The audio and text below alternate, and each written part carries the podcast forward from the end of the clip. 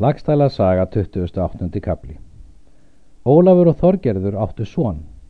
Sá sveit var vatni auðsin og nafn gefið. Létt Ólafur kalla hann kjartan eftir mýrkjartan í móður föður sínum. Þeir Bolli og kjartan voru mjög jafn gamlir. En náttu þau fleiri börn. Svon þeirra hétt Steinþór og Haldur. Helgi og Höskuldur héttin yngsti, svon Ólafs. Berþóra hétt dóttir þeirra Ólafs og Þorgerðar og Þorbjörg.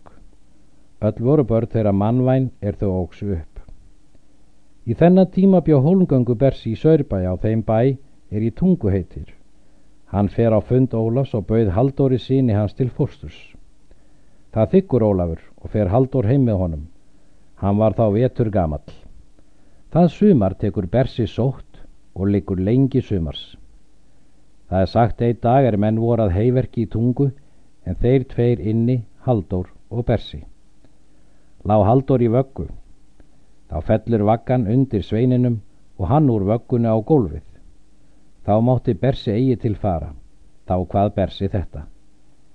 Liggjum báðir í lama sessi, Haldór og ég. Höfum engin þreg. Veldur elli mér en æska þér. Þess batnar þér en þegi mér. Síðan koma menn og taka Haldór upp af gólfinu en Bersa batnar. Haldór fættist þar upp og var mikill maður og vasklegur. Kjartan Ólafsson vex upp heima í Hjardarholti. Hann var allra manna vænstur og fríðastur þegar er fæðst hafa á Íslandi. Hann var mikileitur og vel farin í andliti, manna best eigður og ljóslitaður.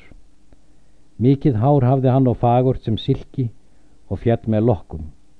Mikill maður og sterkur eftir því sem verið hafði eigill móðurfæður hans eða Þórólfur. Kjartan var hverju manni betur á sig kominn svo að allir undruðust þeirri sáu hann. Betur var hann og vígur en flestir menn aðrir.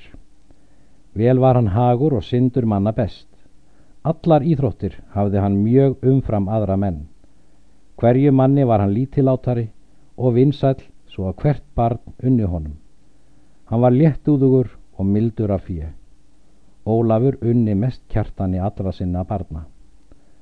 Bolli fósbróðar hans var mikill maður. Hann gekk næst kjartan um allar íþróttir og atgerfi. Sterkur var hann og fríður sínum, kurteis og hinn hermanlegasti, mikill skartsmaður. Þeir unnust mikið fósbræður. Situr Ólafur nú að búi sínu svo að vetrum skipti eigi all fám.